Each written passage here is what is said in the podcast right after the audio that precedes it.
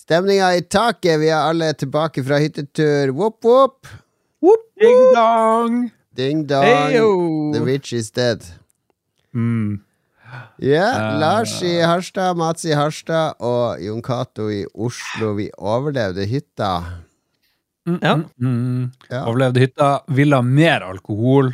Klarte ikke å finne det. Du klarte ikke å finne mer Jeg skal fortelle deg, fordi dere stikker jo av tidlig, som uh, selvfølgelig «Ja, det, 'Jeg har så tidlig fly'.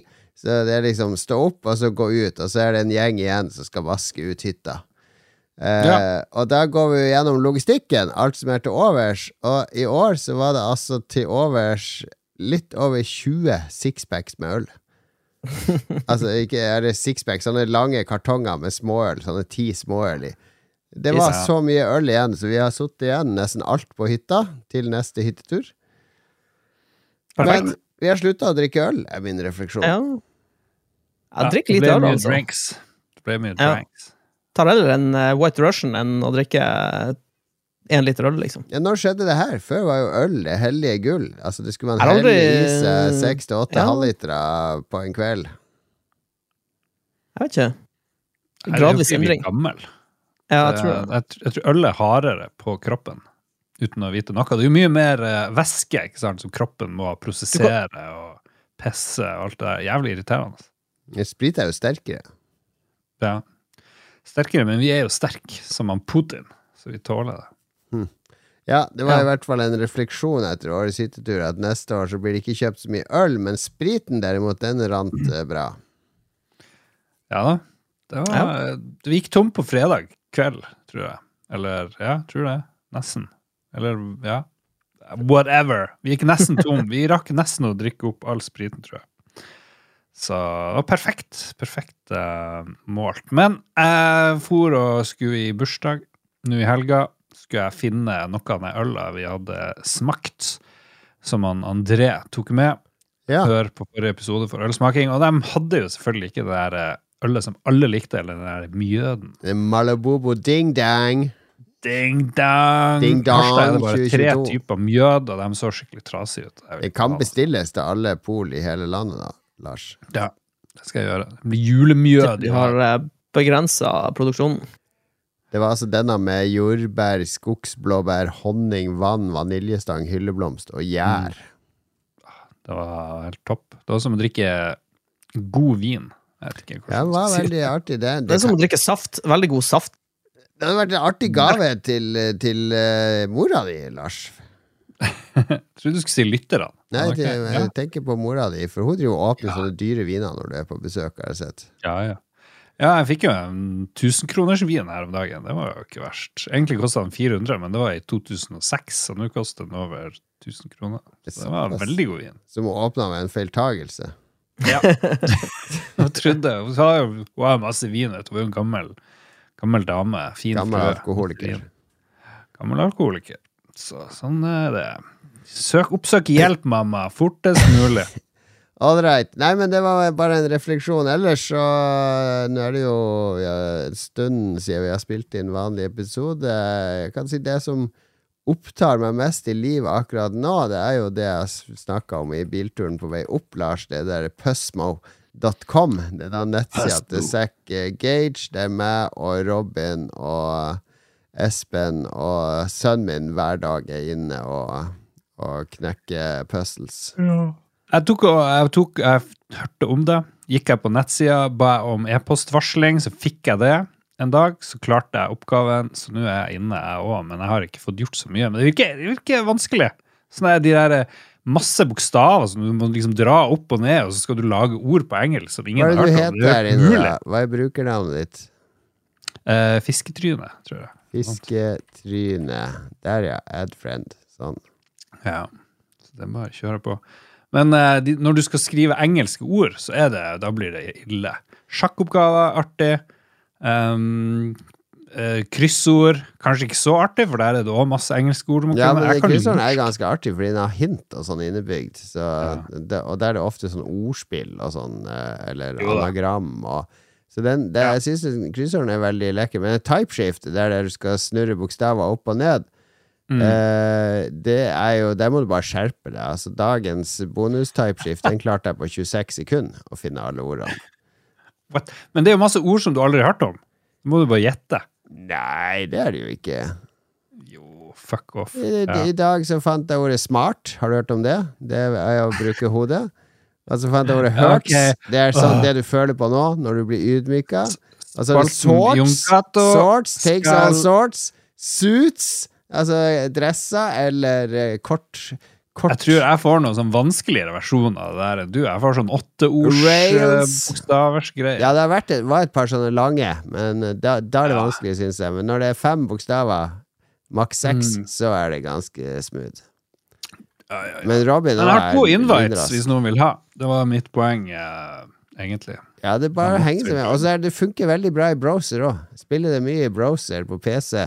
Da har du en fordel i typeshift. Der kan du skrive ordene i stedet for å drive og snurre ting opp og ned. PC Master Race. Ja. PC Master Race. det er masse puzzledrit eh, på pussmo.com. Prøv det. Ja, men så gøy at du kom deg inn. Da, da lagt jeg til, så vi har en uh, ny en å ydmyke på topplisten her med Robin. Robin. Robin er knallhard her, altså. For Robin har akkurat fått barn nummer to. Han har en ettåring og en nullåring. Det er jo Da er livet ditt basically over. Så hans morgen eh, Jeg ser klokka fem over syv, så har han gjort to av oppgavene allerede. Og innen klokka halv Det åpner klokka syv hver morgen, så er det nye puzzles. Så innen halv åtte så er han ferdig med hele greia. Det er hans morgencommute, har jeg funnet ut. Mm. Ja. Ja, ja, ja. Jeg begynner, å, jeg begynner å få bange anmeldelser for den IQ-testen vi skal ta, alle sammen. Oh yes, jeg oh yes, jeg har glemt. Ikke havne øverst der, liksom. Episode 500, Nei, nei. IQ-test live. Men det blir er ikke noe Trenger ikke være bekymra, Lars. Eh, Vi, vi, kan, vi kan beskytte Vi kan beskytte bakfra. Vi kan stå nederst, nederst på stigen og beskytte de som kommer klatrende opp. Vi trenger både proletarer og ledere etter revolusjonen. Men du er jo så jævlig høy på pæra at jeg blir skikkelig kvalm. Og skal, eh, Ja, men jeg går rundt og tror at jeg har ganske høy IQ, så jeg, kan, jeg, kan, jeg er jo den som har høyest fallhøyde i en sånn IQ-test. når Jeg havner ned på 93 eller noe sånt. Ja, det hadde vært deilig. Min eh, jeg har jo eh, en, en kollega på jobb som jobba i NRK i mange år, som er produsent for store eh, greier og for digitalisering og sånn. Og der NRK for mange år siden de hadde skulle ha sånn IQ-test for hele Norge samtidig. Der man skulle sitte hjemme og gjøre IQ-test og konkurrere med de som jobba på TV-en. Og da hadde de fucka opp noe i produksjonen. Så alle som satt hjemme, de fikk sånn score som var sånn 30 under det de egentlig hadde. Så de ga liksom eh, flere hundre tusen som var med i det programmet, fikk beskjed om ja, du har sånn 70 i IQ. ja, det førte til to VG-forsider. Det er jo magisk. Stakkars folk. Ja, det var, var, var nok litt stress. Glad jeg ikke var med. Nei, men jeg tror eh, jeg, jeg har veldig lyst til at vi skal gjøre sånn IQ-test live. Det er jo ikke det som er viktig, ikke sant? Altså, Lars, du er mye flinkere enn meg til å sjekke damer, for eksempel. Og Mats, du er mye flinkere til å drepe. Så vi har alle våre Vi har alle våre fortrinn. Ja. Ja. Du har, eh, du har, eh, du har et poeng. Ja, nei, vi må bare samle alle, så tar vi, uh, samle, henter vi inn Mensa, og så kjører vi verdens mest humiliating shit. Ja. Uh, til glede for Det heter Mensa fortsatt. Det er litt uh, sånn rart navn, syns jeg. Mensa. Skulle de hadde mensen? Skulle det var bare damer som kunne måle seg? Ja, men hva med vakta, da, folkens? Har dere sett på den store snakkisen? Eller blir det Ja. der, føler jeg det er på Youngstorget i Oslo? Det er ikke noe for oss i nord. Jo da, jeg har sett Jeg så eh, halvannen episode. Jeg syns det var morsomt. Jeg stussa jo over at det var elsparkesykler plutselig med, for det hadde jeg ikke fått med meg før jeg kjekk på det. Og så var Oslo Plaza der. Og litt sånn. Ja, ja, ja. Det, det føles veldig befriende. Postmodernistisk. Helt topp. Ja. topp. Jeg tenker, kunne man laga noe sånn i Harstad, med Per-Willy og sånn? Ja, men det tenkte jeg jo på i dag. Nå er det høring as we speak i, i kontroll- og Ja, med vår tidligere er. gjest Grunde Almeland, som leder kontroll- og konstitusjonskomiteen. Ja, sitte og grille og Erna alle de her eh, stakkars politikere. Tenk hvor mye dritt det er på politikere. Det har jo aldri vært så mye stjele solbriller, drive aksjehandel til 100 millioner og surre. Det er jo en perfekt tid å lage sånn moderne politisk eh, satire i Norge. Så det må de bare get the fuck eh, with the program, NRK. Enig. Enig. enig. Men ja, skjedd noe siden sist? Nei Ja. Masse. Ja, ja, ja. Mats, du er bestandig sånn Nei, det har ikke skjedd noe. Men det er fordi du må notere. Mats er jo konstant på det? reise. Og du er jo vår Ja, onkel, jeg har vært, eh, onkel jeg har vært en Mats. måned på reisefot. Så jeg var på jobb, Stakkars. var på jobb eh, 15 dager, og så var jeg på hytta, og så var jeg på jobb igjen. Og nå er jeg endelig hjemme. Men det, det har Og skjedd rett masse. Du, i arbeid! du, du, for rett, du for, kom hjem fra hyttetur på søndag. var, For jeg ut på jobb klokka 04 om morgenen. på søndagen etter hytteturen, så var jeg hjemme i åtte timer. Ja, det, det var alt du fikk. Og så kom du på jobb, og så kom du deg ikke bort. Og det er jo faen meg årets eh, historie. Det er jo en egen eh, miniserie. Du vandrer røs, endeløs rundt på rigga i Nordsjøen, aner ikke hva du skal gjøre. Ja. Nei, det var bare Jeg skulle egentlig reise hjem på torsdag, men så eh, gikk det ingen uh, flighter før søndag. Ja, hva gjør man tre-fire dager og bare soser rundt? Nei, den første dagen hadde jeg heldigvis masse arbeid å gjøre, så det var greit. Det var egentlig ting jeg måtte ha gjort når jeg kom hjem, hvis jeg ikke gjorde det da. Så det var egentlig to, det var to dager. Det var fredag og lørdag. Eh, og da var det bare spille biljard og drikke kaffe og se på nyhetene og spille litt på laptopen og lese litt bøker og høre på Mm. musikk og Ja, Går du på er bare- Nordsjø-grinder da og sjekker markedet, liksom, eller? Nei, ikke så mye det. Jeg, jeg spilte litt bilsimulator, faktisk. Spilte, for de hadde en sånn skikkelig bilsetup, sånn, typ, sånn som Ah, ja. Yokato har. med ja, sånn ja, med ordentlig ratt og sånn. Dritdyrt ratt og sånn girspake som ikke rører seg noe. Altså som du vet, det er sånn fastmontert. Alt Ja, veier sikkert 200 kilo. Så det var kult. Men jeg spilte bare sånn Arkadespill. Jeg spilte ikke noe Sim-spill. Så det var sikkert litt overkill for eh, jobben. Ja. Men det var ålreit. kjedelig å være fanga utpå der, da. Ja. ja, og så så jeg Får du litt på betalt BlizzCon. når du er fanga der ute? Eller er bare Yes, nå er du fri. Beklager, du må bli her i tre dager. Men kos deg med Arkadespill. Ja, jeg var litt sur, for jeg hadde jo tenkt å feire han Simen, som han Lars gjorde på Ja. lørdagen. Så det gikk jo i dass. Men eh, ja, Mm. jeg satt og, så på, satt og så litt på BlizzCon eh, på streamen også, siden jeg ikke hadde noe annet å gjøre. Ja, ja, Det var litt interessant. Mye World of Warcraft-ting og Ja, det var mye eh, World of Warcraft. Eh, de skal jo For der er han der Metzen tilbake, har jeg skjønt. Chris Metzen er tilbake til stor jubel. Det var veldig hype. Ja. Eh, og så har, lanserte han strategien for de neste årene for World of Warcraft, som Jeg så det. Tre nye expansions. Eller tre expansions. De, skal, de har surra det i hop til noe de kaller for The World Soul Saga. Oh. Så skal de liksom måtte oppsummere hele det der eh, Azeroth uh, Legion uh, Void-greia og prøve å få en sånn slags uh, slutt på det. Ja. Litt sånn Mar du- Marvel fase 1 til 4, på en måte. Merker du nå til at Microsoft nå owns that shit? Jeg, de, jeg tror Bobby Kotick er der til ut året, da. Så de er liksom fortsatt litt i klørne hans. eh, Det hørtes ut som du kalte ham for Bobby Chaotic. Det er jo spot on. jeg, tror, jeg tror det er litt sånn forsiktig optimisme, fordi ja. uh, uh, det, han Chris Metzen er tilbake, Uh, nye eiere, kanskje de får litt mer eh, frihet. Eh, De er så, jo ja. veldig fiklige, disse spillselskapene. ikke sant? De beveger seg i en retning. Vi tror dette er riktig, og så får de veldig negativ sånn fan-feedback, og så snur de seg med vind.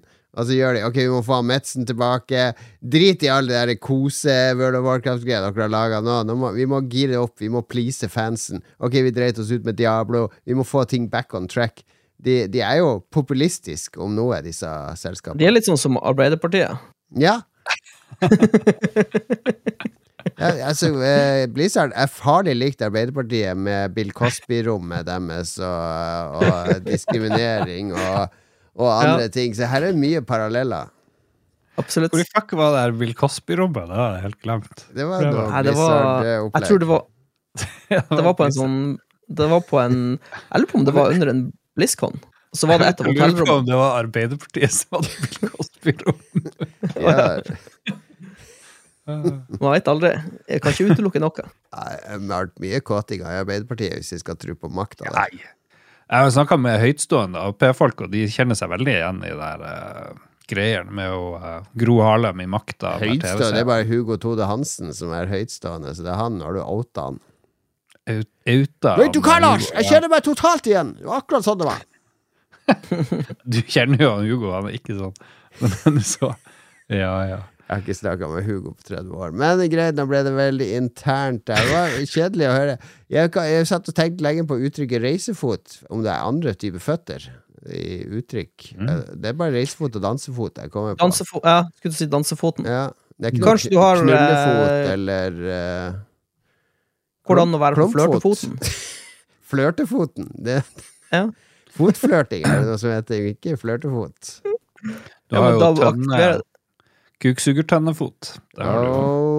Oh boy, oh boy. Det som snakkes om på hytta, blir på hytta. Ja, Lars, nå har du brutt eh, reglene her. Code of silence.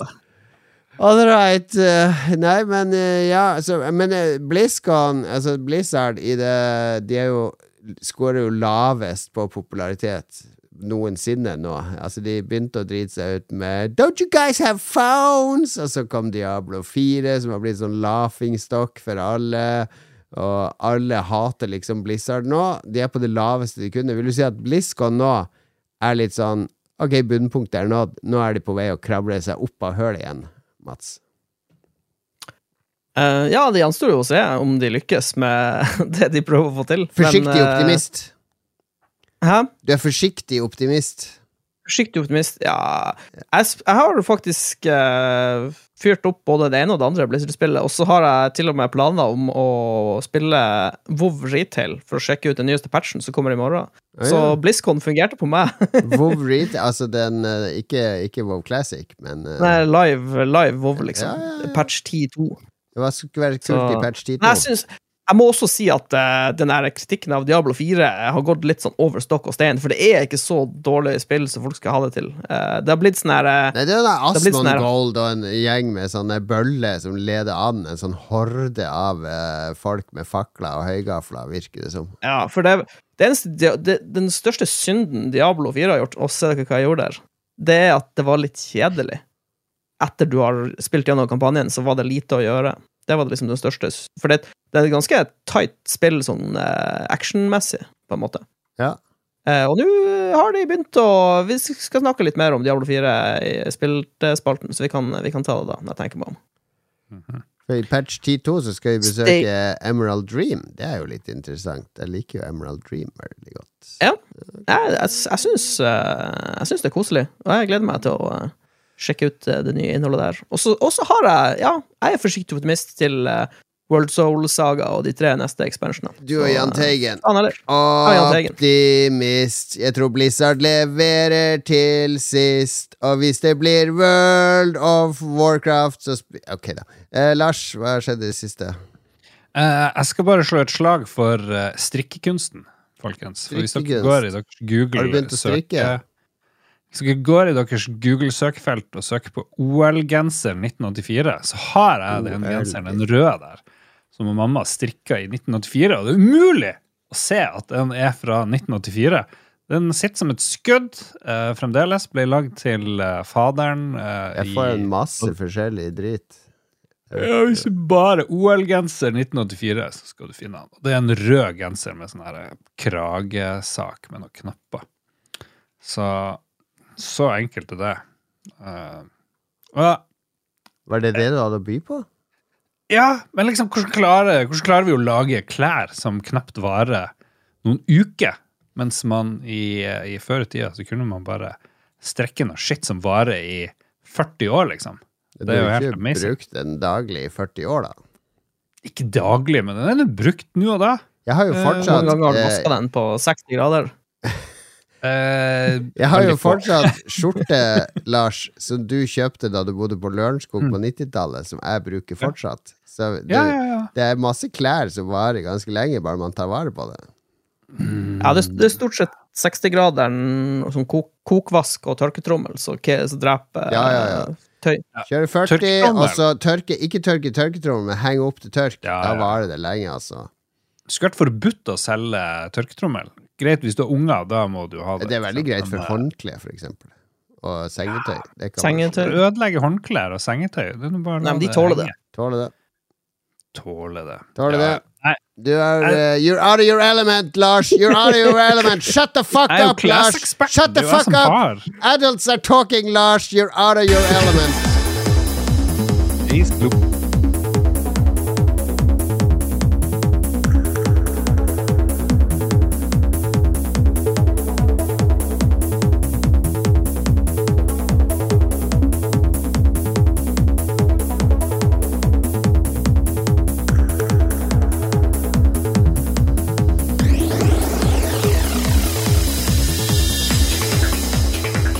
Dette var litt grann musikk fra PlayStation 1-spillet Einhender. Husker dere det? Square Enix, eller Square som de het på den tida. Uh, vi ble jo forelska i Square pga. Uh, Final Fantasy og Kronotrigger og, og sånt. Altså, De ga ut mye rart på PlayStation 1. Tobal nummer én, husker du? Bushido Blade og Einhender, som var Ja. sånn uh, sidescroller, uh, 2D-aktig eh, shooter. Ja. Hadde det noe med små sverd å gjøre? Eh, navnet Einhender, det lurer jeg litt på. Det baserer seg på gresk mytologi med Selene og Endymion. Eh, og Ja. den fremtidige krig det er mellom jorda og månen. Eh, det er liksom bakteppet. Eh, Det høres veldig ut som det betyr enhånds. Ja, altså, Ja. Det, det skipet du flyr, uh, kalles en ein- einhender. Og det fins ulike varianter av Flyr den med ei hånd? Ja, kanskje det. Kanskje det. Du kan Jeg liker, jeg liker oppfølgeren Hannjager. Handjeger. Einhandjeger. Ja, Men hva er greia med Eller er det ganske obvious hva greia er med japanere og Tyskland og tysk språk som de drar inn i, i De var jo venner, Lars, på et tidspunkt. Ja, de var jo allierte. er Har du glemt det av? Har du glemt det av? Det er litt fransk, veldig mye tysk. Jeg tror det er tysk for en japaner, og nå skal, nå skal jeg spekulere vilt Eh, Tysk og japaner, det betyr uh, litt sånn uh, um, Sånn som vi forbinder med gamle folkeeventyr og sånne ting. Det er sånne der, hu, hvite hus, vet du, med sånne brune tverrplanker opp og ned. Sånne klassiske tyske oktoberfestbygninger og gamle vill, eh, gamle landsbyer med drager og troll og sånne ting. Det Ja, er, altså, ridd- jeg tror hvis du, hvis du sier ridder til en japaner, så tror jeg han tenker tysk ridder. Ja, jeg liksom. tror, han jeg tror de med, med en gang går til europeisk fantasy-mytologi når de hører tysk. Det er, det er ensbetydende med det for de. Ja. Så det har ikke noe med Hitler å gjøre. Nei, neppe. Neppe. Men de hadde jo noe stort på gang. Sammen. Det hadde de. All right, jeg, har spilt sykt mye nye spill, altså. Det har jeg hatt tida til siden uh, dere fiksa hytteepisode. Helt absurd mengde nye Det kommer så mye spill nå at uh, jeg er helt sånn der i, i eh, i Du villesen. Hva, hva, jeg har lyst til å spille så utrolig mye forskjellig nå.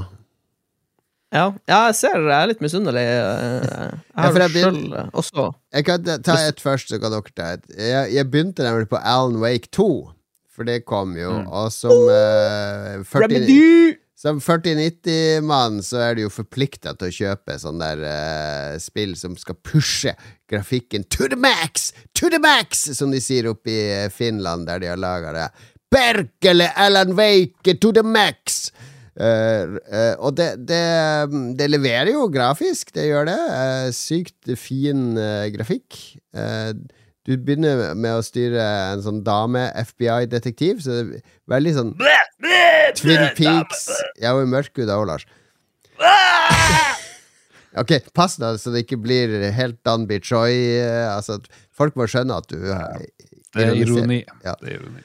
Eh, hun, uh, det, det begynner veldig sånn Twin Peaks-aktig med at hun, uh, hun er detektiven, og partneren hennes, som jeg tror spilles av Sam Lake, han som skriver og er director for spillene, reiser til denne byen der Alan Wake forsvant for 13 år siden, fordi det, det er sånn sekt som driver og dreper folk i sånne ritualmord der. Så, så ganske sånn seig start, gå rundt og utforske en skog og sånn. Og så når det dukker opp noen fiender, det gjør det når det blir mørkt av og til, så spåner noen sånne fiender av mørket du kan lyse på med en lommelykt for å reveale weak points og skyte de.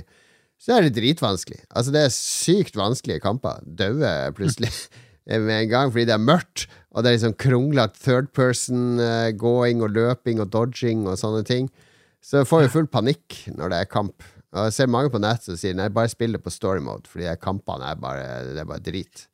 Og det er jeg litt skuffa over, fordi jeg har jo spilt Kontroll fra Remedy, og det er mange, det er, det er mange referanser til Kontroll her. Det foregår i samme univers. Så du finner sånne stasjoner som agenter fra det kontroll... Altså, hva heter det? Federal Bureau of uh, Control, FBC. Ja. De har vært og satt opp sånne forskningsstasjoner her og der, så det er masse referanser til det spillet.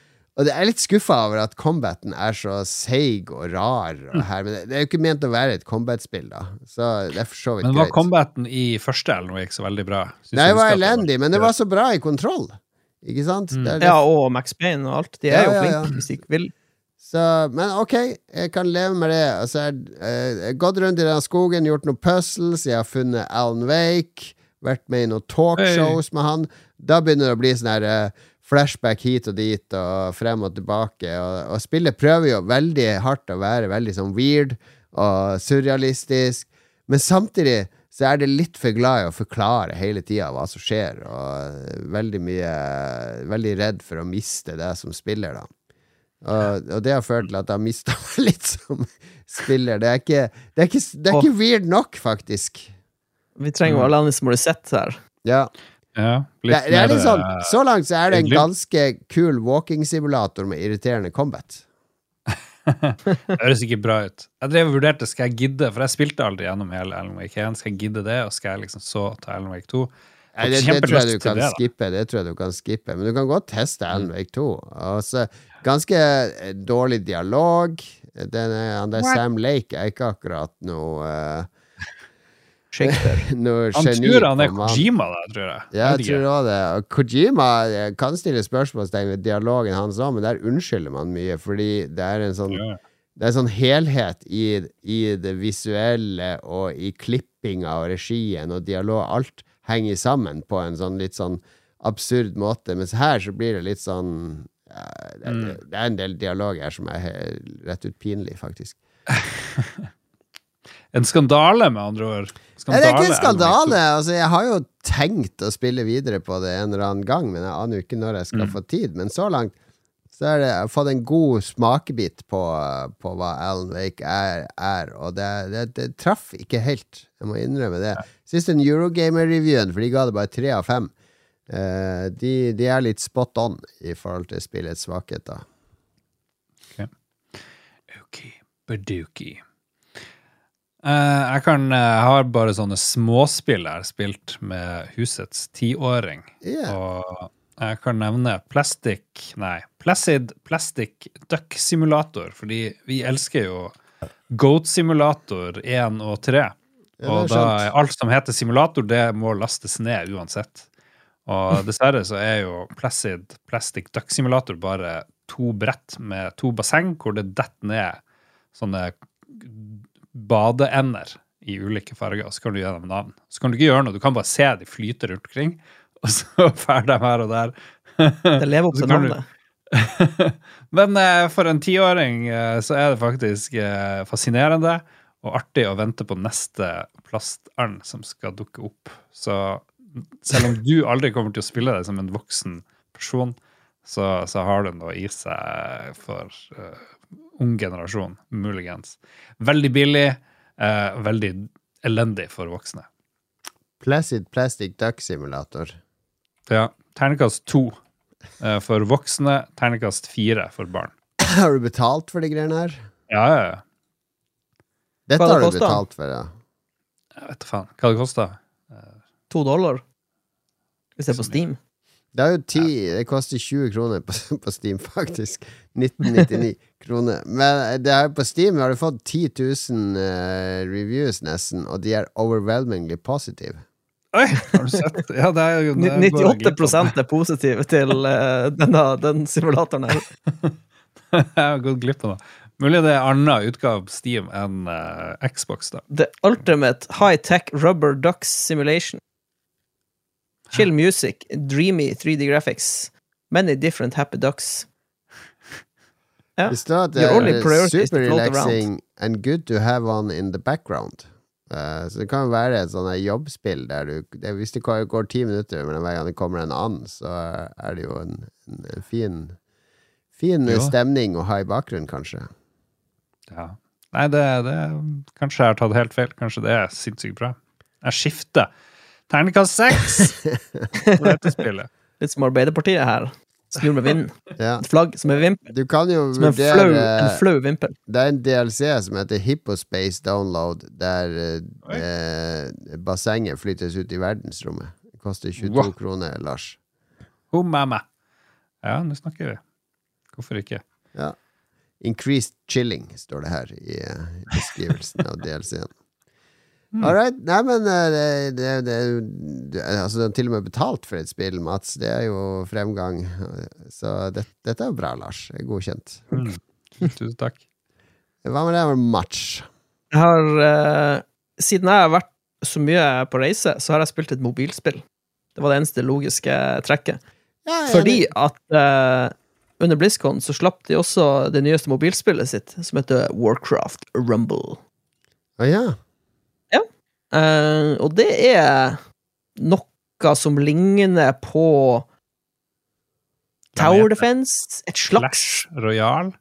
Takk. Ja, nå har ikke jeg spilt det du refererer til, men det ligner sikkert Mm. mer på Flash Royale enn Tower Defense. Det er for, kort oppsummert så lager du en liten hær med minis. De, de har um, liksom lagd alle Alle unitene i spillet skal liksom være miniatyrfigurer. Og så har de en sånn stikk hvor du kan laste ned eh, sånn 3D-filer, så kan du printe de miniene og male de og styre og herje. Så de har liksom Ah, ja. gått litt sånn her kreativ eh, rute, på en måte. Så alle de miniene dine blir en liten hær, nesten som en kortstokk, og så har du én leder. Eh, og så har du en ressurs eh, som bare er gullpenger, som tikker inn eh, basert på tid. Og så skal du sende de minifigurene dine ned lanes eh, og knuse bossen, eh, som er på andre sida av kartet. Og så er det litt sånn tilfeldig hvordan For du har hele tida i bunnen av skjermen så har du et brett med minifigurer tilgjengelig, så du kan sende ut. Eh, og når du sender dem ut, så forsvinner det, og så kommer det inn en ny, litt sånn som Tetris, og da er det tilfeldig eh, fra dekken din hvordan neste figur som kommer inn, blir. Og så må du bare prøve å kombinere tanky minis med ranged minis, og så noen har, noen har spesielle abilities, kan teleportere, kan charge. Så må du bare prøve å lage en kombinasjon så du syns er, er bra, da. Det, jeg måtte google her. Det er visst veldig likt der eh, Clash Royale. Så Ja, det er de som liker kopiert, det, det er jo eh, sykt populært. Ja, jeg syns det var litt morsomt, eh, men jeg tror ikke det er noe jeg kommer til å spille sånn religiøst i Det blir masse sånn år framover. plattform-reisespill. Når du er på reisefoten. Ja, nei, så, ikke sant? Ja, når du sitter på flytaxien eller på flyet eller Ja. på flyplassen, så, så er det nice. Ja, Og så kanskje, vet du hva Vet du hva jeg faktisk gjorde? Og Nei. jeg, Det er sikkert ikke bra, men jeg satt og spilte det mens jeg loada inn i et raid i Tarkov. For det tar jo ofte sånn tre-fire minutter. Ja. Da rekker du en runde, liksom. men jeg vet ikke om det er bra å spille et spill mens du venter på å spille et spill. Jeg føler det er sånn usunn eh, ting. Ja, men det er mange ja, ja. som har ritualer på sånne loaderskjermer. Ofte folk eh, har Reddit-tråder som de broser mens de loader. eh, en eller annen måte å omstille hjernen på. Ja, ja, det er sikkert bra å meditere eller noe sånt, men uh, Hvis du tar tre-fire minutter, eh, så rekker du jo en kjapp runk på veien i Tarkov. ja, det, det jeg vanligvis gjør. Men jeg syns, eh, jeg syns eh, det var et søtt lite spill. Eh, Ja. Og så er det jo sånn her typisk eh, de, har, de har et par sånne gotchas med Det er en sånn pakke du kan kjøpe hvor du får eh, slett, Du får mer XP og gull, men det er sikkert sånn standard i alle mobilspill. Det er sånn permanent oppgradering til kontoen din. Ja, det eh, som, som frister veldig, fordi da kan du utvide samlinga di, og så når samlinga di utvides, så er det sånn som Marvel Snap, du, får, du har sånn collection level. Og jo høyere collection level, jo mer behagelig er spillet å spille. Så det er et par sånne her eh, lure triks de har snekket inn der, men uh, jeg tenker det, Ja, det, det er der er industristandard. Ingenting er gratis, Så vet du, i utgangspunktet. Så etter det, de skal jo tjene penger på noe. Ja. Men det er unektelig hvor eh, søtt lite spill. Med, altså, den grafiske presentasjonen er, fungerer veldig bra. Og Og, det er Ja, Og dette Unektelig, ja. presenterte de under BlizzCon uh, med Don't you guys have phones? Og nå var det faktisk det var helt greit at det var på no. telefonen. Dette er jo et spill som er lagd rundt å være et mobilspill, så da, da føler jeg det er innafor. Ja, Det, ja, det er ikke noe som prøver å presse seg inn på mobilmarkedet. morsomt. Nei, men nye, ferske, fine spill vi har snakka om. Vi skal, vi skal ta en runde til med spill, for vi har spilt så mye. La oss bare høre litt på Air Force Delta-musikken. Eh, Et gammelt PlayStation 1-spill.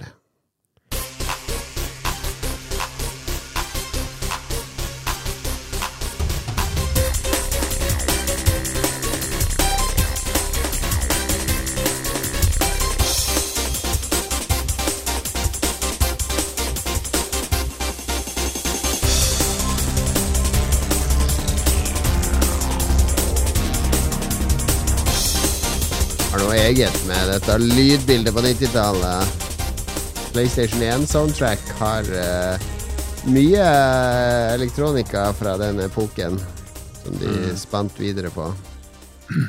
Mens jeg drev og jeg trente jo nå mens vi hadde pause, så jeg tenkte at uh, lytterne de skjønner jo ikke at vi, vi putter inn den musikken liksom etter at vi har tatt en lengre pause for å gjøre andre ting. Vi har jo travle liv.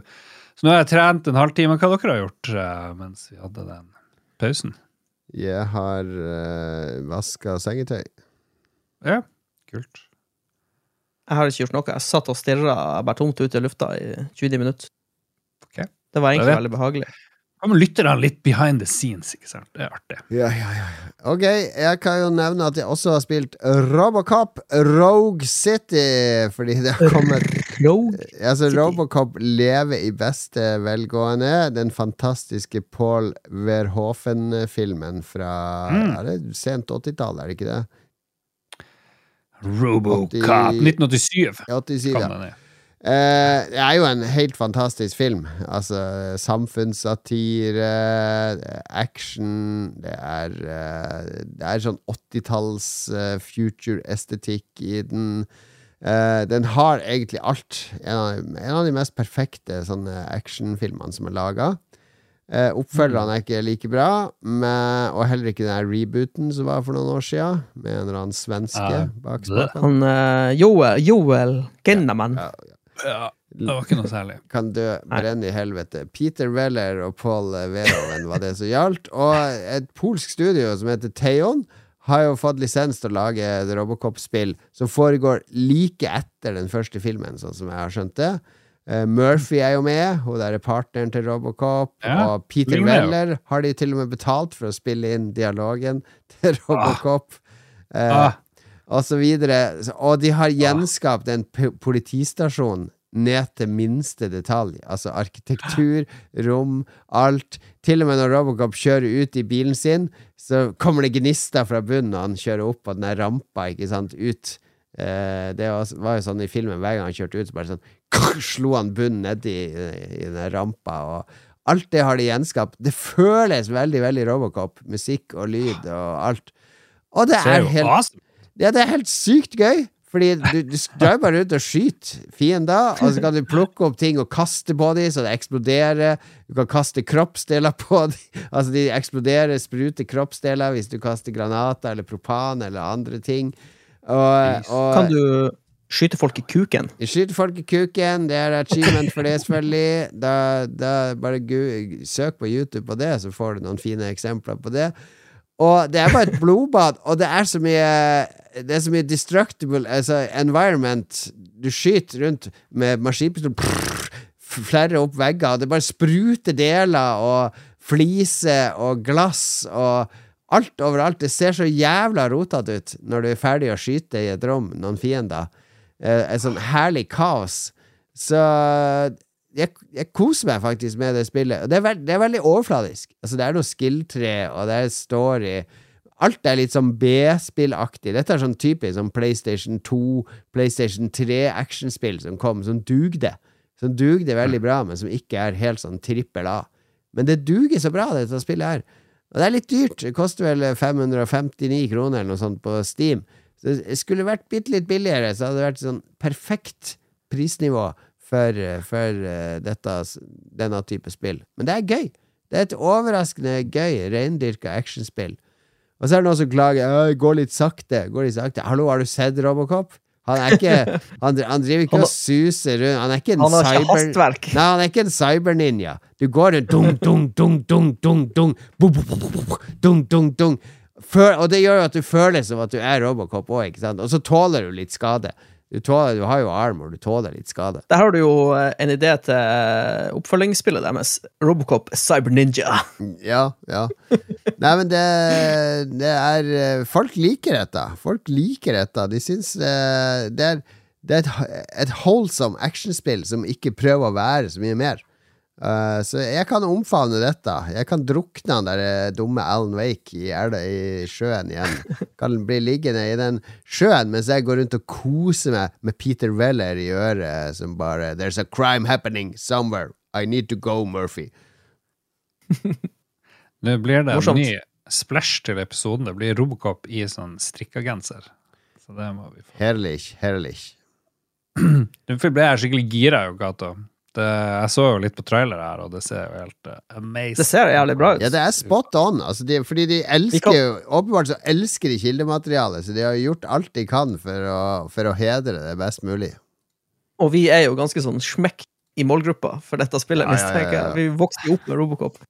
Det er, clean and easy fun, altså. Det, det, er, det er det jeg kan si. Mm, Nå ble jeg glad. Det- Nå er hele, hele podkasten her er, paid off allerede. Har du et eh, spill til du, Lars? En kjapp mention av Party Animals, eh, som er, ligner litt på Fall Guys. eh, Fall Guys-sjangeren. Vi er tilbake i spille-spill med ti år Du spiller eh, bare med den ungen? Ja, den siste uka har det blitt det, da.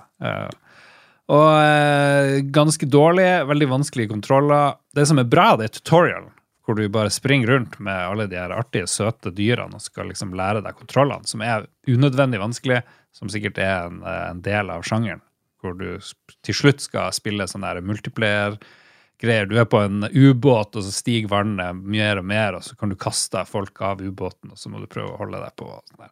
Eh, vel, litt for vanskelig for 10-åringer og 47-åringer. Men fantastisk søt look. Skulle ønske at alle spill så ut som Party Animals. Sånn furries. Jeg tror jeg har en greie for furries. eh, folkens. You heard it here. Det er noe som har våkna opp, Lars. Ja, det er det. Furry power. Furry, furry. Ok. Jeg har, uh, Ja. jeg har et siste oppsummering av hele Blizzard-runkeringen her. eh. Oh yes. For jeg har lagd en karakter i den nyeste Diablo 4-sesongen. For uh, noen uker tilbake, litt over ei uke, to uker, jeg er litt usikker, så starta det opp en ny Diablo-sesong.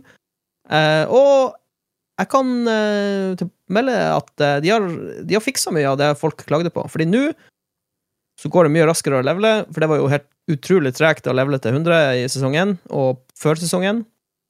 Og så har de eh, gjort alle Altså, du er blitt kraftigere. Altså, du, du har mye mer sprut. Monster eksploderer, det er Ja. Det, jeg syns det Jeg syns Diablo 4 er morsomt nå. Saksøk meg. Men eh, ja, de har gjort mye rett. De har, de har fiksa mye som folk har klaget på. Så eh, jeg syns Diablo 4 går i rett vei nå. Det, det er bra. Hvor mange ganger har du runda det?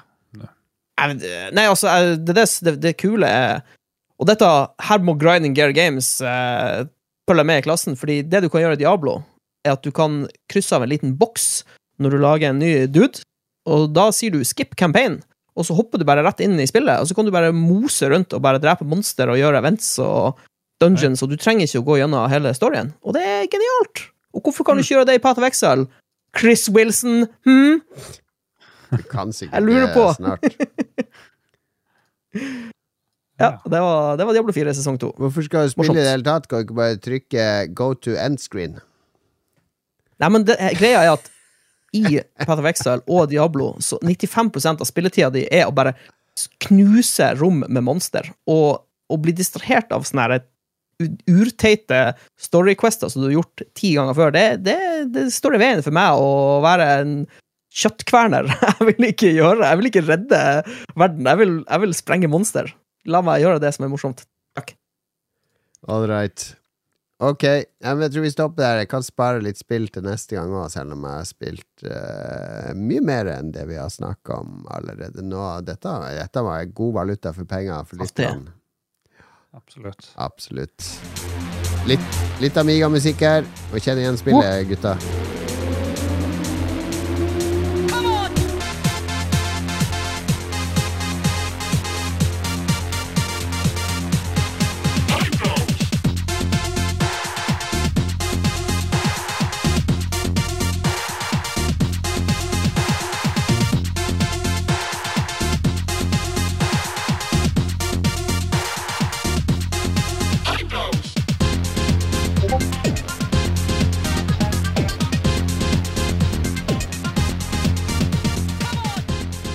Vi snakker her om spillet Body Blows på Amiga. Jeg kan ikke si jeg husker det spillet noe særlig.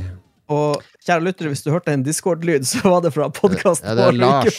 Lars du brøt det aller helligste med å sende ting fra Discord mens jeg spiller opp. Jeg må jo ha med Discord-lyden deres. Ja, men lytterne tåler en Discord-lyd. Nei, de blir gærne! De blir gærne! De er opp med telefonen. Herregud, hvem er det som har meldt meg nå? Det ble så bra splash med Robocop i, i uh, Knit Det ble en eh, fan fantastisk splash. oh. Jeg, men uh, hvilket spill var det fra? Jeg datt ut. Body Blows. Body Blows. blows. Body blows! Body blows. Body blows. Let me blow your body, girl. Spilte aldri det. Men eh, ja. Nei, det ser ganske dårlig ut. da Det er noe sånn bokse... Det er sånn kampspill. Sånn Street Fighter rip-off. Det, det er til og med en sånn gin man, eller Fireland Antle. Ser jo helt vilt ut, egentlig. Mm. Det er Martin Brown som var producer, ser jeg. En dinosaur med en liten sånn ja. grønt romvesen på ryggen. Dette ser jo helt vilt Et ut. Team 17-spill, da. Jeg tror jeg spilte spillet her. Antagelig. Faktisk. Antagelig. Holy shit. Jeg fikk litt sånn uh, minner. Glemte minner. All right. Blow my body. Men dette var Body Blouse i 1993. Det er hele 30 år siden dette spillet kom ut, i mars Jesus. 1993. Og vi skal bevege oss til november 2023.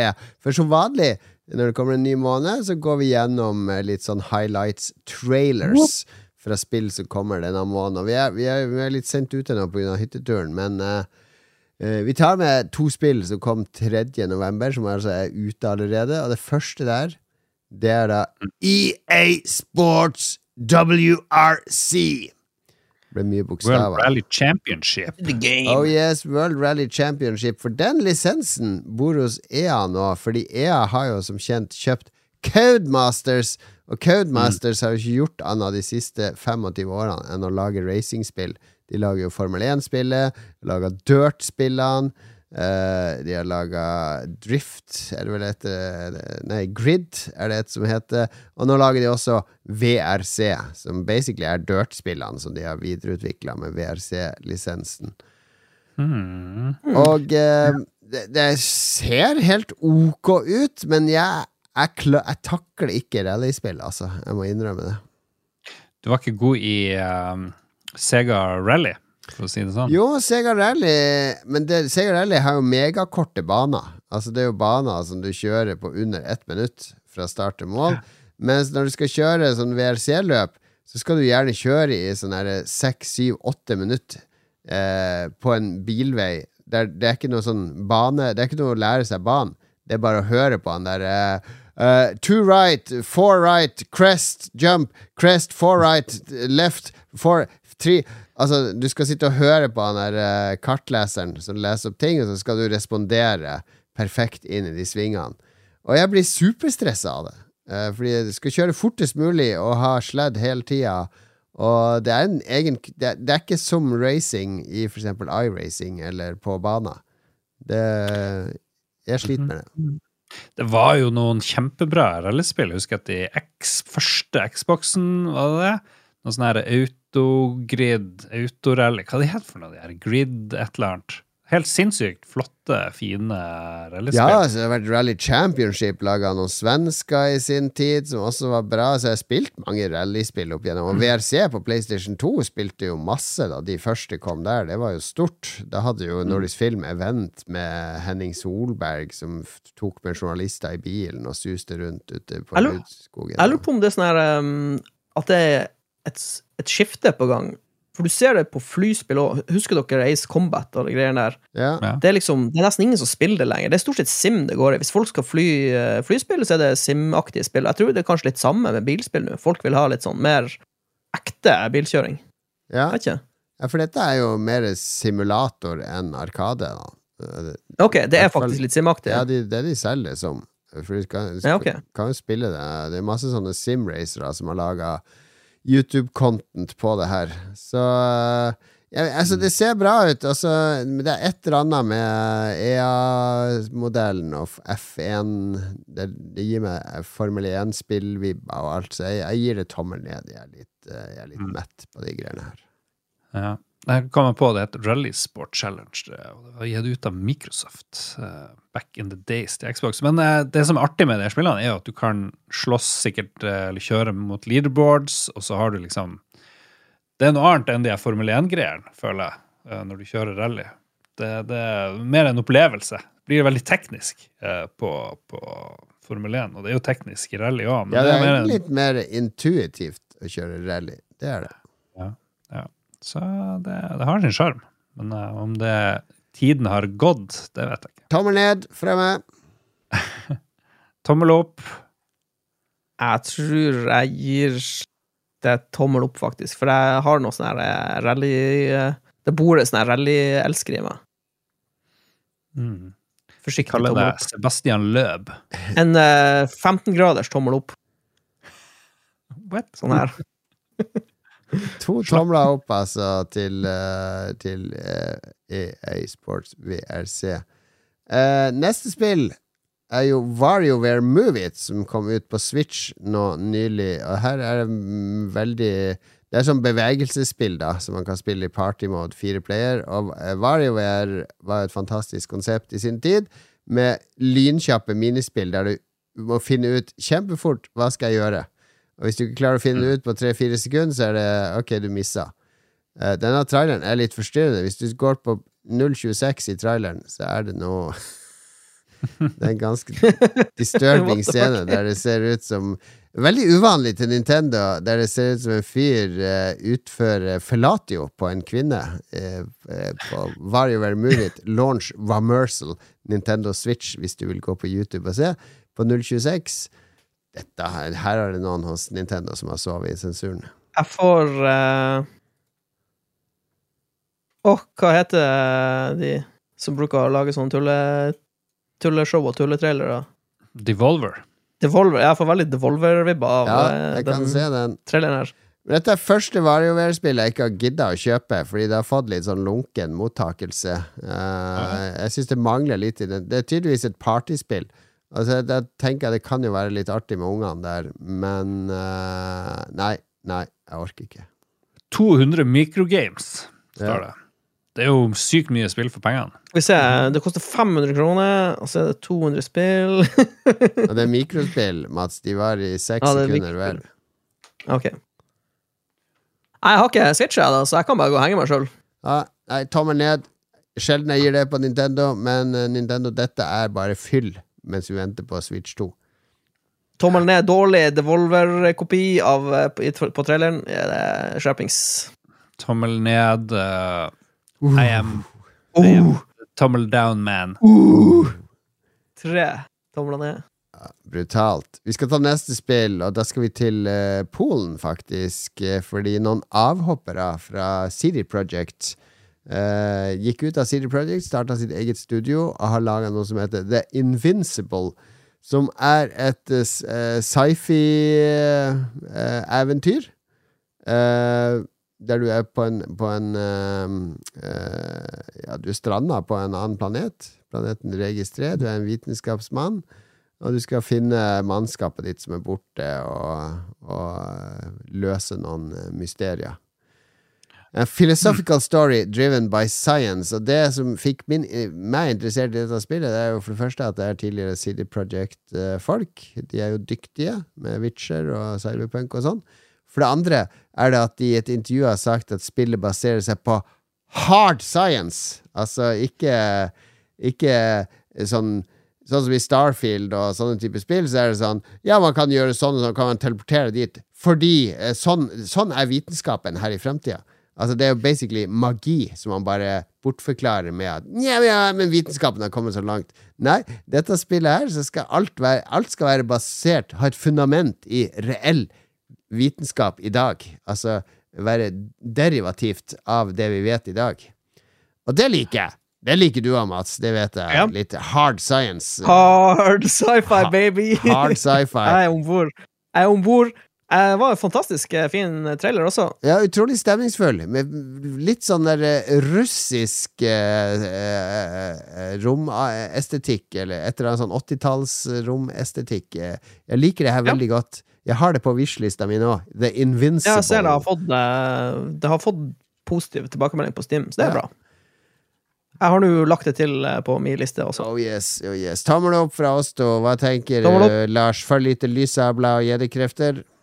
Ja, nei, det virker helt ok. Tommel opp, helt supert. Tre tomler opp fra uh, dette polske sci-fi Hard sci-fi-spillet. Altså Går vi videre østover, så langt øst vi kan komme, helt til Japan, faktisk. Der uh, Sega har laga et nytt spill i sagaen om uh, ja, ja, vi snakker selvfølgelig om den gamle Yakuza-serien.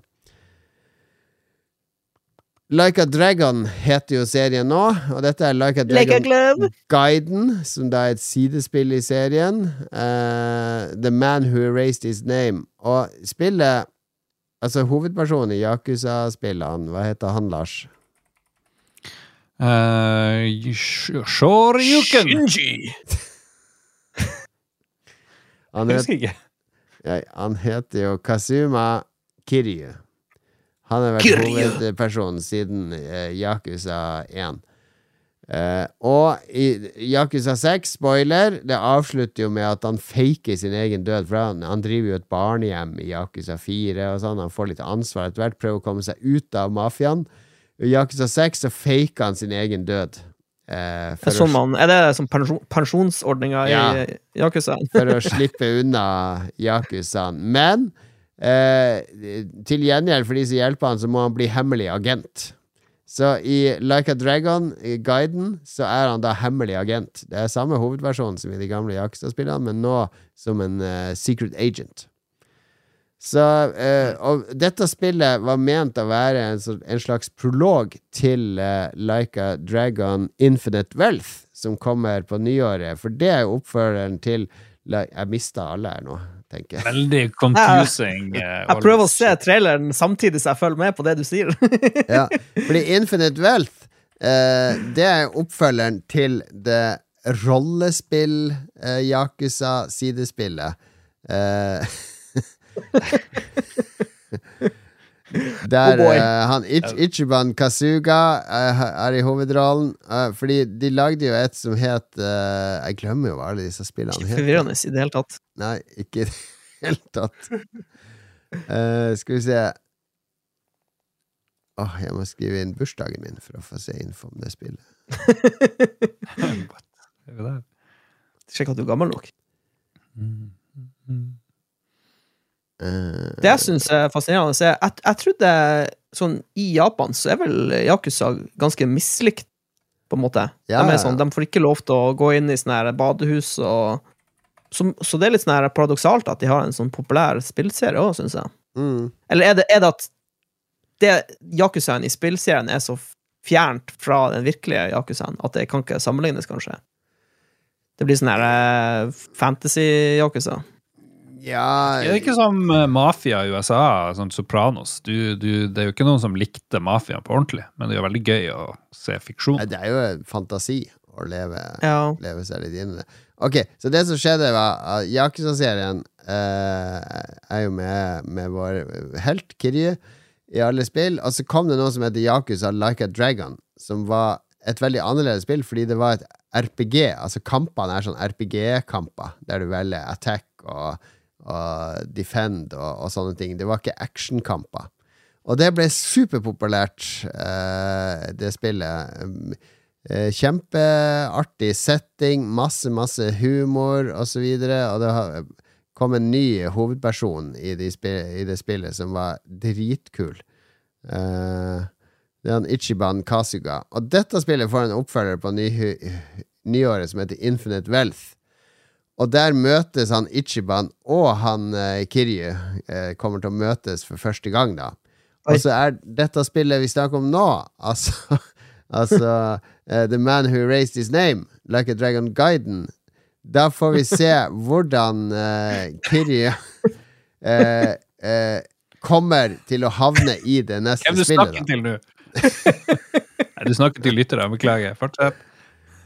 Ja. Så, så, dette spillet er egentlig bare for å hype oss? Ja, det er en prequel Det er en prequel til det. Og de hadde vel ah. egentlig bare tenkt å lage det som en lite en DLC, eller noe sånt, men så hadde de så mange gode ideer, så det har blitt et fullverdig spill. Så jeg tror kanskje at dette ikke blir det beste Yakuza slash Like a Dragon-type spillet. Men jeg føler meg forplikta til å spille det, for jeg gleder meg så sykt mye til Infinite Wealth. Fordi Like a Dragon det er et av de gøyeste spillene. Det, det har jeg snakka varmt om her før. Det er så bra, og jeg elsker elsker han Ichiban Kasuga, den eh, store antihelten med det store håret. Ja Jeg prøvde, jeg prøvde jo du... Like Dragon, eh, men jeg eh, kom aldri så veldig langt. Men det, jeg som liker japanske ting, hvorfor liker ikke jeg det der uh, yakuza-skitten? Fordi du hater ja, deg sjøl. ja. That's it. ok, tommel opp fra meg. Bare gi tomla ned, så vi kan gå videre. Vi brukte altfor mye tid på det her nå.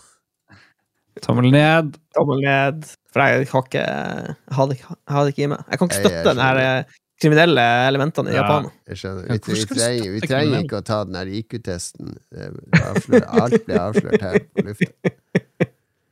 Ok, nå, nå, mer over i deres uh, smak. Call of Duty uh, Modern Warfare 3 kommer 10. november. Du kan visstnok spille kampanjen allerede nå hvis du har preordra og sikkert betalt mange hundre kroner ekstra.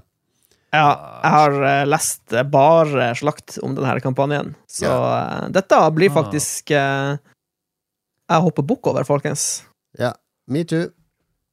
Så, for det, det, de, må, de, må, komme seg De har gravd seg inn i sånn forferdelig grop med det slippe ett Call ut i året. De, de, det går ikke an å lage bra spill en gang i året. De må slutte med det der og ta seg litt bedre tid. De må få så, det der Warzone til å flyte bra. Fordi da går det an ja. å hoppe inn og ut av det med venner. Og Konsentrere seg om det, og så litt vanlig multiplayer, altså den der kampanjen. Jeg spilte kan den, legge den død. Jeg spilte den det, i fjor. I fjor tenkte jeg nå skal jeg spille kampanjen for første gang på flere år. Det, var, det er det mest forglemmelige jeg har spilt på år og dag, altså. Jesus ja. lord. Og det verste av alt, den kampanjen fra spillet i fjor var faktisk ganske bra. Ja. sånn, hvis du ser på kampanjene de siste fem årene, så var den sånn over snittet.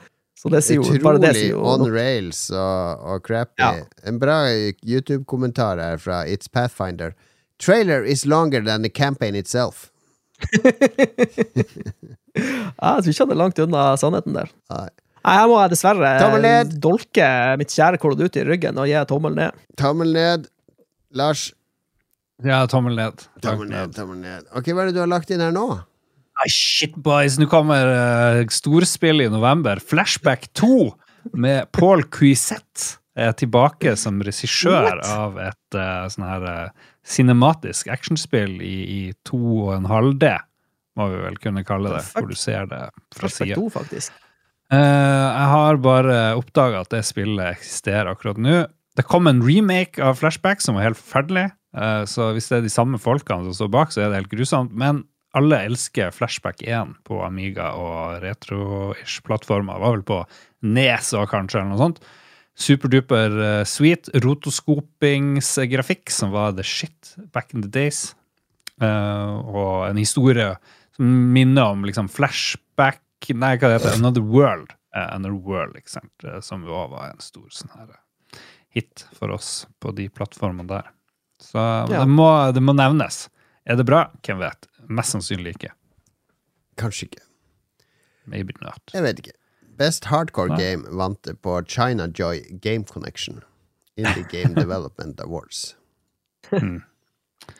Ja. Uh, Microids Studio Paris, hva har de lagd før? Uh, Siberia, The World Before, ser det ut som. Var det bra? Hvem vet? Hvem vet? India Ok. Eh, jeg er meget skeptisk, men jeg skal gjøre Lars litt glad, sånn at han har god energi resten av sendinga, så jeg gir det tommel opp. Yeah, ja, da må jeg komme inn med balanse og Ja. gi tommel ned. Ja, Vi kan ikke ha tre tommel opp til flashback.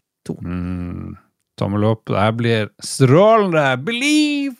Believe, I believe I can fly. Og jeg believe også at uh, uh, ganske snart, 17. november, så kommer det et nytt spin-off-spill i Persona-serien. Persona-serien elsker spin-off-spill. De har jo uh, de, de har jo altså hovedspillene som er litt sånn JRPGs. Og så har de slåssespill, og de, altså de har lånt ut karakterene sine til andre spill. Og Persona 5 Tactica er da eh, en helt ny eh, Persona-variant som, så vidt jeg har skjønt, er sånn der, eh, taktisk eh, strategispill. Altså sånn Taktisk eh. XCOM-type Mm. kamper. Hvis jeg har skjønt Ja. riktig. Med sånn superdeformed, uh, store hod, big head. Ja, veldig cartoonish. Veldig cartoonish, dette her. Mm. Det er sånn grid-based uh, combat. Jeg må innrømme, det, det, selv om jeg elsker Persona 5, hovedspillet, det er ingenting her som selger meg ordentlig inn eh, i at dette kommer jeg til å bruke tid på. Så jeg skal være sur gammel mann og gi tommelen ned her. Oh. Ok. Jeg, var, jeg gir tommelen ned, for de har faen meg en trailer som varer i fire minutter. Her må noen, her må noen få fyken. Det går ikke an å lage en trailer på fem minutter. Kom igjen. Ingen fan av Persona-serien, selv om jeg prøvde meg på Persona 5 Jeg spilte i 20 timer uten å skjønne noe som helst. Eh, likte det for så vidt. Men uh, det her ser ut som et mye bedre spill. Ikke test, ikke test Mye bedre spill enn Persona 5, så jeg tror det her er tommel opp. All right. 17. november, og vi avslutter på 17. november. Det er ganske dødt etter 17. november av en eller annen grunn. Det kommer noen spill her og der, men ikke noe som er verdt å dra på. Vi avslutter med, med Super Mario. Jeg drukket litt mer brus. vi avslutter med Super Mario RPG. Gamle eh, Super Nintendo-spillet der Square fikk lov til å lage et rollespill eh, med Mario og vennene, som kom kun på Super Nintendo i USA og Japan, aldri i Europa, så vidt jeg kan huske. Og nå har Nintendo remaka det spillet med litt sånn oppdatert eh, grafikk. Ser eh, ganske artig ut, faktisk, sånn grafisk og visuelt. Og jeg tenker at for de av dere som ikke har fått opplevd denne lille RPG-kuriositeten, så tror jeg denne Switch-remaken eh, definitivt kan være verdt å sjekke ut. Ser veldig sjarmerende ut. Ja, absolutt. Så cozy. Men kommer det til Switch 2? Nei! Switch 2 må komme før man kan spille Nei da. Jeg spilte uh, Toad Treasure Tracker uh, her om dagen med eh, Magisk. unge til broderen. Helt supert. Switch funker egentlig helt fint. Jeg vet ikke hvorfor jeg hater det, men uh, de her Super Mario RPG-spillene, hva er liksom appellen egentlig der? Hva er, det, er det fordi de er morsomme? Ja, det Square gjorde, var jo å forenkle RPG-greiene litt. Og disse spillene ble også fundamentet for Paper Mario og, og Mario og Luigi-RPG-ene på Gameboy. Det er mange av de samme elementene der. Det med at uh, du trykker på en knapp når du angriper, så får du ekstra skade og sånne ting. Så de gjorde det mer sånn interaktivt og morsomt. Så det her er tilbake til der, der det hele ble til. Nei, jeg, det her må jeg ha. Eh, jeg ser for meg det her på hytta i romjula på Switchen. Det tror jeg blir bra. Ok.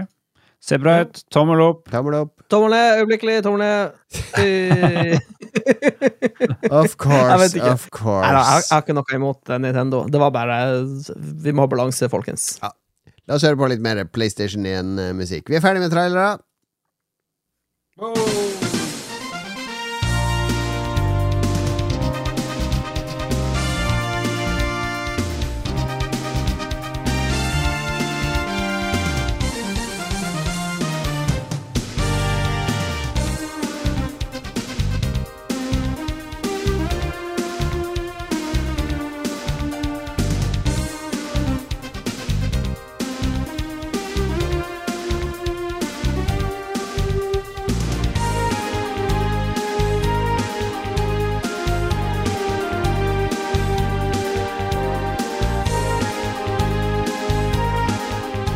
Litt musikk fra Counter-Strike der.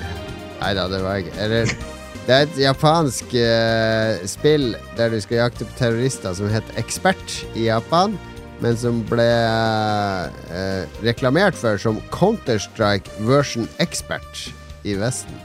Av en eller annen grunn. Det er totalt glemt. Det er ingen som har spilt det spillet. Kanskje han uh, Goose, Gooseman spilte det, Kanskje. Og henter inspirasjon derfra. Ikke umulig. Vi har kommet til anbefalinger. Vi har vel ikke noen lytterspalte, Lars, håper jeg? No.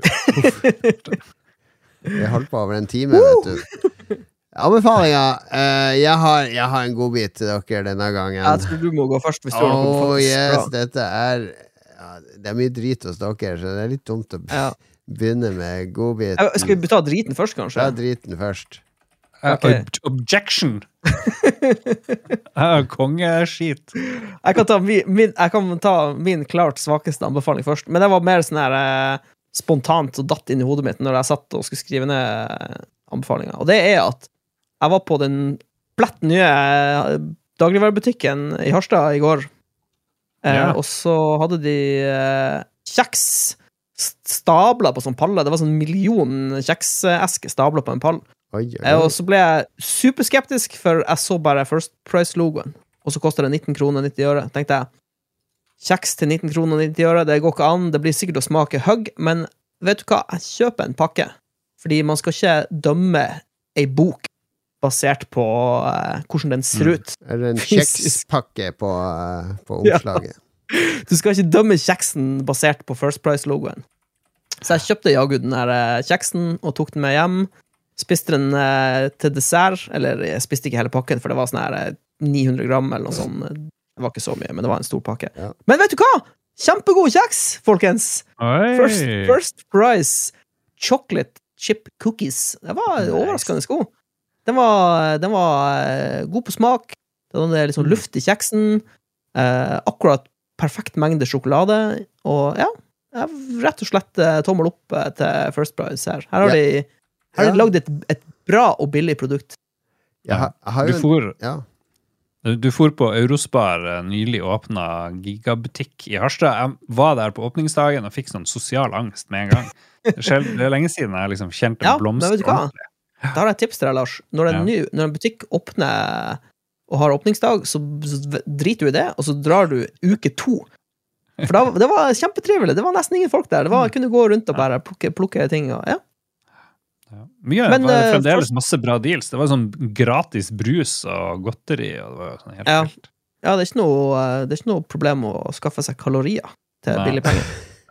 Nei, jeg har jo en teori om at uh, sånne First Price-produkter, disse billigproduktene, jo mer usunne produktene er, jo bedre Jo mindre rolle spiller det om du kjøper dyrt eller uh, billig. Ja, vet du hva? Jeg tror du er inne på noe der. Fordi, Fordi, jo, mer, jo mer dritt det skal inneholde Fordi jeg, jeg, nå er jeg på openfoodfacts.org, som er Ja. de, de har fakta om alle typer varer. De har First Price uh, chocolate chip cookies, kjeks med sjokoladebiter. Uh, Ja. Nutritional score fra A til E, det er E. Bad nutritional quality. Og så har de en Nova-score. Det går på hvor prosessert maten er. Du vet, Vi skal ikke spise for mye prosessert mat. Det har ikke kroppen godt av. Det er fra én til fire, der én er eh, minimally processed, og fire er ultraprosessert. Den har scoret fire. Dette er ultraprosessert mat. yes! Og så har den en Echo score som går på environmental impact. Der scorer den 55 av 100, så den er ikke så ille der, faktisk. Okay, ja. Så Nei, men uh, hvis, Ja. hvis du har lyst på litt ultraprosessert kjeks som smaker godt, og til en billig penge Fordi hvis du skal kjøpe Hvis du skal kjøpe Safari eller noen av konkurrentene, så er du, du er med én gang på togangen. Da er det 40 kroner med en gang. ja, det Så blir jo det. ja, Blir jo det. det trenger ikke å være dyrt. Nei. Nei men, usunne ting, det kan du like godt kjøpe billig. Det tror jeg skal spist- være tommelfingerregelen. Ja, bare ikke spis det hver dag. Nei, Mm. jeg er enig. Jeg måtte ta sånn her saving throw mot uh, juleskum da jeg var på Elkjøp. La dere merke til på hytta at jeg spiste ikke et eneste sjokoladeflak. Ikke en eneste, ikke en eneste potetgullflak. For Ikke, en mann. ikke en eneste ostepop. Ikke en eneste bridgeplan. Det eneste jeg spiste, var det der sjokoladen vi fikk til ølsmakinga. Det var eneste godteri jeg spiste. Jeg tipper den sjokoladen smakte godt. Ja, det er jo faen meg det beste jeg har smakt i mitt liv, nesten. Men jeg har ikke smakt godteri etter hytteturen heller. Ja, det er imponerende. Ja, nå er jeg nede i Jeg klarte 80, å- 86 kilo, karer. 86. Å, satan! For en mann. Ja, gratulerer. Jeg klarte å ikke snuse mer etter hytta, da. Ja, det er bra. veldig Ja. Det var jo faen meg Du, en du, gikk, snuse du gikk på en liten smell der. En snuse- og røykefest uten like. Herregud, det blir røyking og snusing det var der. Ja, det er, mange samler det mest usunne de gjør, eh, til den uka i året. Jeg tror òg det. De har sånn cheat week. Skal ikke, vi skal ikke nevne navn, men men okay, okay. jeg, jeg, var, jeg var heavy på godisen sjøl, så jeg skal ikke Jeg skal ikke kaste noen steiner i det glasshuset Ingen shaming, ingen shaming på hytta. Lars, shaming, hva er din anbefaling her? Jeg anbefaler dere å gå på sparkjøp.no, og jeg utfordrer dere Dere kommer ikke til å klare å, å, å finne Eller dere kommer garantert til å finne noe dere liker. Spesielt hvis dere går på f.eks. T-skjorteutvalget, hvor de har to, ikke bare én, men to Commodore-T-skjorter. De har uh, Top Gun-T-skjorte. Minner veldig om den jeg har. Uh, så kanskje som jeg De har ei. Pepsi Max-T-skjorte. Pepsi Max-T-skjorte. Og så har de Samantha Fox-T-skjorte, de menn. Og den eh, har jeg lyst på. Jeg har kjøpt åtte T-skjorter på én bestilling fra Sparkjøp. Så det er ikke tull. Her setter jeg pengene mine bak ordene, folkens. Så se på denne pakken her. Look at this big boy package fra. Sparkjøp Holy shit. med klær de luxe fra Vi kan jo bare kjøpe 60 av den Samantha Fox-skjorta, så er det neste swappergave. Det er helt topp. Billig skit. 150 kroner stort sett. For De. T-skjorte hvor Dette er fra mannen som for en time siden satt og klagde av Hvorfor lager man ikke klær som varer lenger? Så sitter han og kjøper noe d- drit-T-skjorte fra Sparkjøp som går sunn etter tre ganger i vaskemaskin. Nei, det er faktisk eh, Den ene T-skjorta jeg er inne og ser på her, er 100% bomull. Det er ganske imponerende, Ja, ja. egentlig. Ja, ja. er, den, den, eh, den er superfin. Superfin. Samantha Fox T-skjorte 149, det blir jo s- swappergave de luxe. der, Altså. Litt sånn skittig Samantha Fox-bilde. Men, men. Jeg liker, jeg liker at det er helt sånn firkantig bilde også. Det er bare sånn Ja. Skal, skal dere kasta på skjorta. jeg, jeg, jeg, jeg kan komme med to anbefalinger i dag. Fordi jeg Ja. kom på, Siden du anbefalte en nettside som heter sparkjop.no. Så Mm. jeg oppdaga en nettside fordi jeg tenkte jeg skulle lage noe sånne eh, greier på jobb om eh, Jeg så at det var en sånn FNs internasjonale bydag. Og så tenkte jeg hm, det må jo finnes en oversikt over sånne dager, for det kan være artig å forberede noe til infoskjermer på jobben. Visste du at i dag er det det og det? Og så googla jeg litt, så fant jeg en side som heter dagsdato.no. Dere må gå dit med en gang og se, for det er sånn der uh, Du blir bare sånn Wow, what the fuck?! for den, den er bare jam-packed med informasjon om dagen i dag. Oh, shit! Ja, se, se det er akkurat sånn reaksjon jeg hadde. Herregud, så mye som står her! Der er det Idol-vinnere, det er middagsoppskrifter, det er soloppgang, solnedgang, det er kommunequiz, det er klipp fra gamle aviser, det er gamle avisannonser, det er 1814, det er hva skjedde i første verdenskrig på denne datoen, det er Donald Duck, det er det er, det er helt absurd mye informasjon de har glemma på denne sida, som oppdateres hver dag. Oi. Det er, som, eh, det er som å gå på gammel eh, tekst-TV, nesten. Da du Ja, ja, og det er valutakurser, det er TV-program, det er alt! Det er alt på en og samme side. Wikipedia, siste nytt. Det er hellige, hellige Willy Brord-dagen i katolsk helgedag i dag.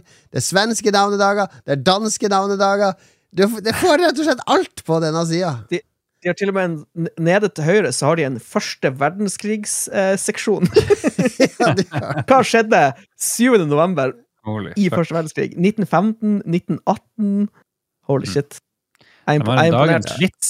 Eh, dagens vits. Så var det IT-nerden som ikke kom inn i himmelen. Han hadde glemt brukernavn og passord!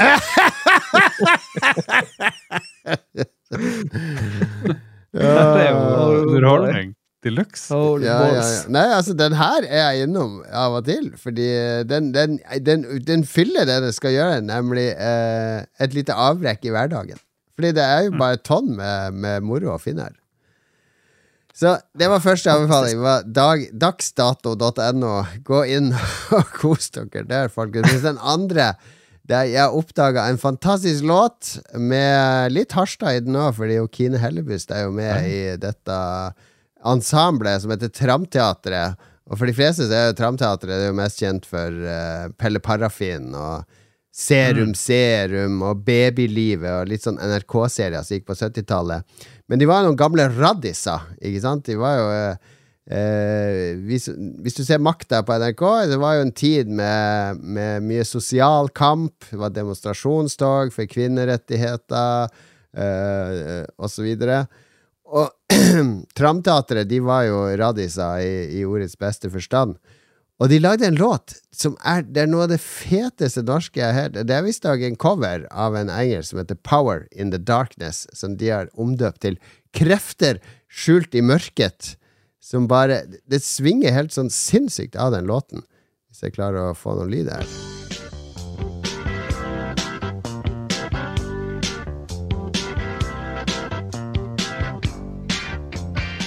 Veldig funky, veldig fint. Og kor som synger. Men, og så er høydepunktet i låten at, det kommer en sånn en sånn tale midt i her. Hør nå, hør nå, hør nå. I dag er vi kommet så langt at selve grunnpilaren i det norske samfunnet blir trukket i tvil og utsatt for angrep. Skolesystemet, kongehuset, statsadvokatstolens helt, det hellige ekteskap, regjeringen og den hyrdelige biskopsstand. Ikke engang vår glimrende og veltrente politistyrke kan lenger føle seg trygge overfor dem som vil undergrave samfunnet. Det er på høy tid vi erklærer at nå kan det være nok. Det er på høy tid at vi vender oss mot de nasjonale norske grunnverdiene disiplin, lydighet, sunnhet, moral, orden og frihet. Frihet fra røde og svarte og hedninger, punkere, horer og boms. B-banepøbel og ungdomsforbrytere, lesbiske og venstredrift-roms. Å, det er, så, det er så bra, den talen der. Det er eh, Det er ikke så mye som har endra seg siden da. Fortsatt de samme steile frontene. Må bare bytte ut det lesbiske med Ja, ja, han kommer inn på jøder og sånn også, så han er imot alt. Eh, Erkekonservativ, han der Ja. eh, som holder tale der, altså. Men megafet låt, gå på YouTube. Den har bare 346 views. Eh, Martin Hauge som har lagt ut Tramteatret. Krefter skjult i mørket. Det er en sving om. Jeg har funnet sånne perler før. Husker jeg fant jo Bjørn Eidsvåg sin eh, låt eh, Kristne Ikke løpe inn Ja. i stua før du har tatt av deg lua. Og så videre. Nice. Kristen livsstil heter det. En skjult perle, rett og slett. Skjult perle fra Tramteatret. Jeg har aldri hørt de så eh, funky. Jeg bare kjente de fra Pelle Parafin og alle de låtene der. Men dette, dette er gull. Fantastisk låt. Ja. Pass på for svarte og røde, og hva det enn det var for. Eh, absurd. Absurd. Grums fra venstresida. Vi er ferdig. Vi er ferdig. Vi har ikke noe lytterspalte. We're back, baby. Oh, gøy! Back to the grind. Da må vi takke produsentene, Lars. Vi må takke dem som en sånn sinna uh, høyrepolitiker som står og rapper. Å, helvete! TTMXMP, kom deg tilbake til mora dis, uh, Vanigina! Du, Jarlsberg, nå må du se og få deg en jobb. Gjør noe for samfunnet, for guds skyld, mann! Snyltere som Kristin Lysaker trenger vi ikke i vårt samfunn! Eh, straffeleir! Bjuslo, du henger vel med tatere, gjør du ikke det? Kom deg til jobb! Kong Hong, herregud, mann! Se å få klippet det håret, du ser jo ut som en boms! Dette var akkurat sånn vi tenker at Høyres landsmøte er. Altså på 70-tallet. Det var sånn det var. Jeg tror det. Tror det. Ja, det var gøy å spille inn episode igjen, karer. Vi Ja. snakkes om en uke. Da er kanskje du borte, Mats. Jeg får med meg en uke til. Ok, så ok. forsvinner jeg. Sweet, fordi neste uke så skal vi gå tilbake i tid og ta for oss en måned til, tenker jeg. Ah, Åh, I, i vår nice. retrospalte. Og så nærmer det seg jul. Vi må finne på noen aktiviteter til jul. Og så har vi jo Kan vel røpe, Lars, at jeg skal til Harstad i juni neste år. At det kanskje skjer noe Oh, Lolbua-relatert i Harstad. ja. Det blir en magisk affære. Oh yes. er. Oh yes. Uh, vi Som- skal til eh, august 87. Nei, skal vi til et faen. Ja, 87 en gang, i hvert fall. 87 en gang. Det blir bra. Yeah. Takk for oss. Hei da. Hei we.